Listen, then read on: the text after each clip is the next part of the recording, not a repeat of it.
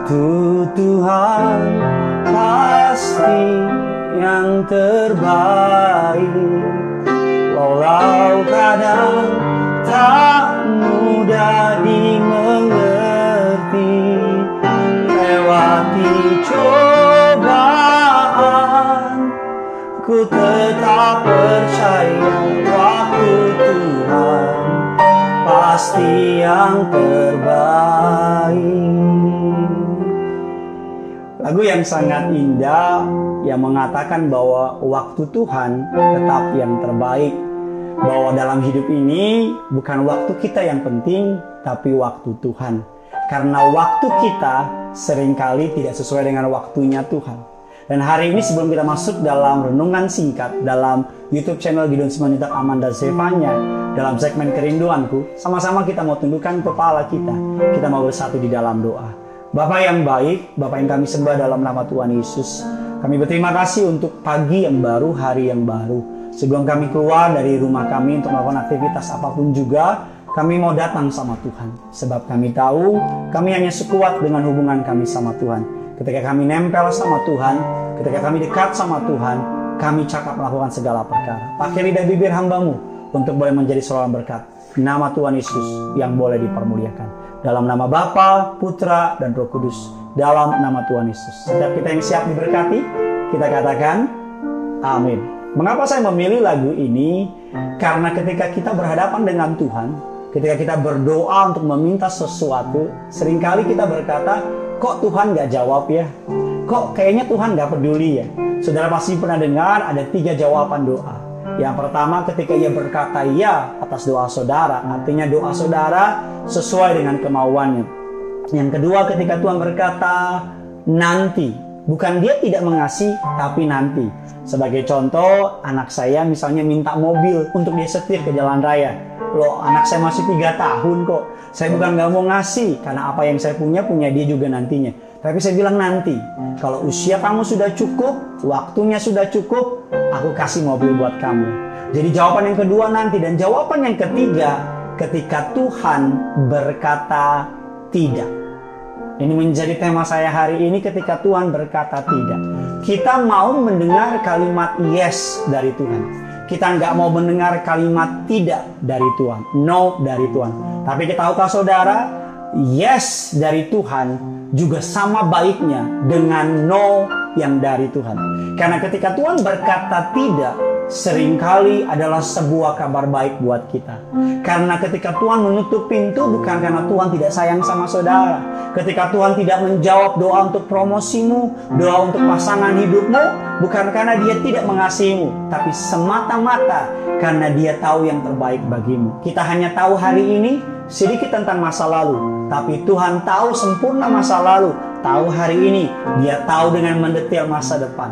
Ketika engkau meminta pasangan hidup si A misalnya, engkau berkata dia yang terbaik, tapi Tuhan tahu masa depan.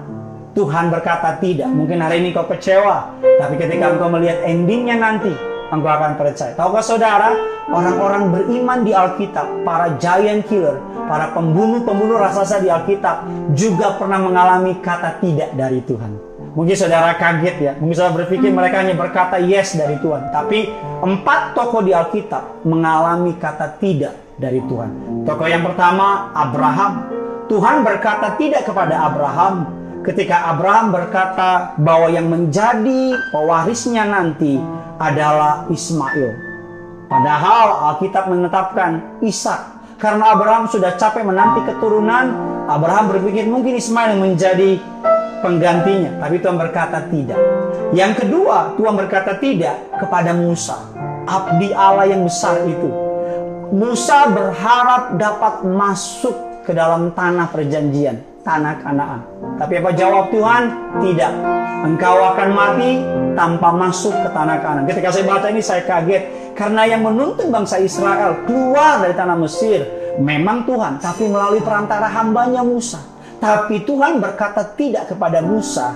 Musa tidak boleh masuk ke tanah Kanaan. Yang ketiga, Tuhan berkata tidak kepada orang yang dikasihinya. The man after my own heart. orang yang berkenan di hadapanku kata Alkitab. Siapa namanya? Betul, Raja Daud.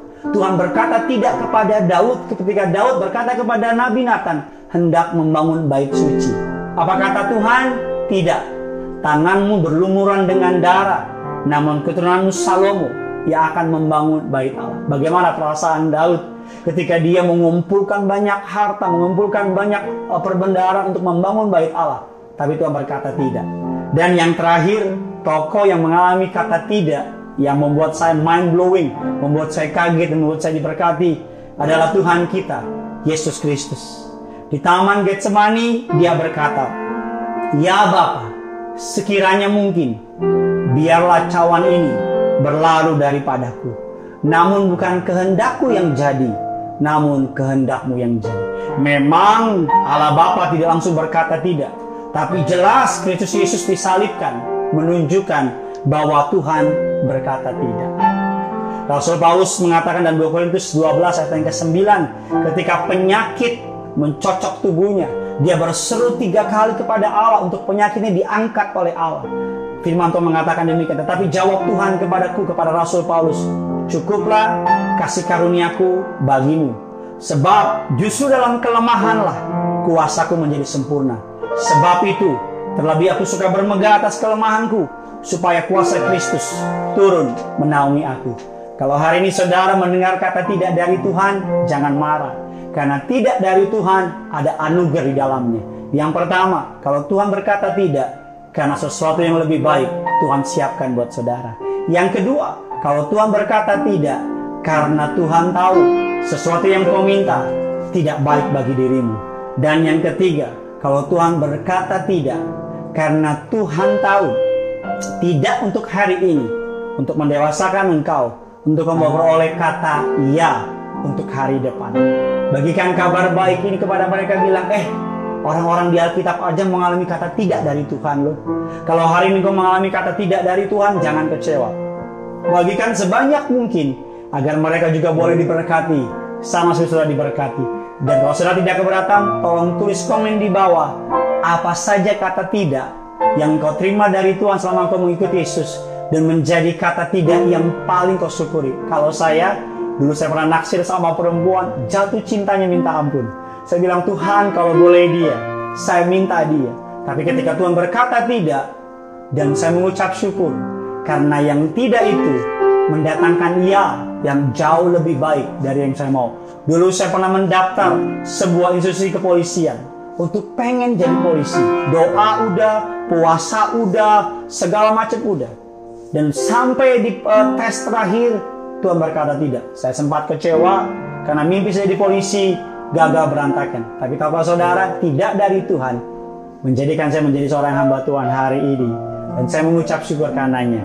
Yang punya surga, crazy love with you. Sama-sama kita angkat tangan kita.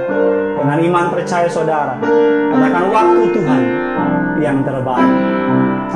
Waktu Tuhan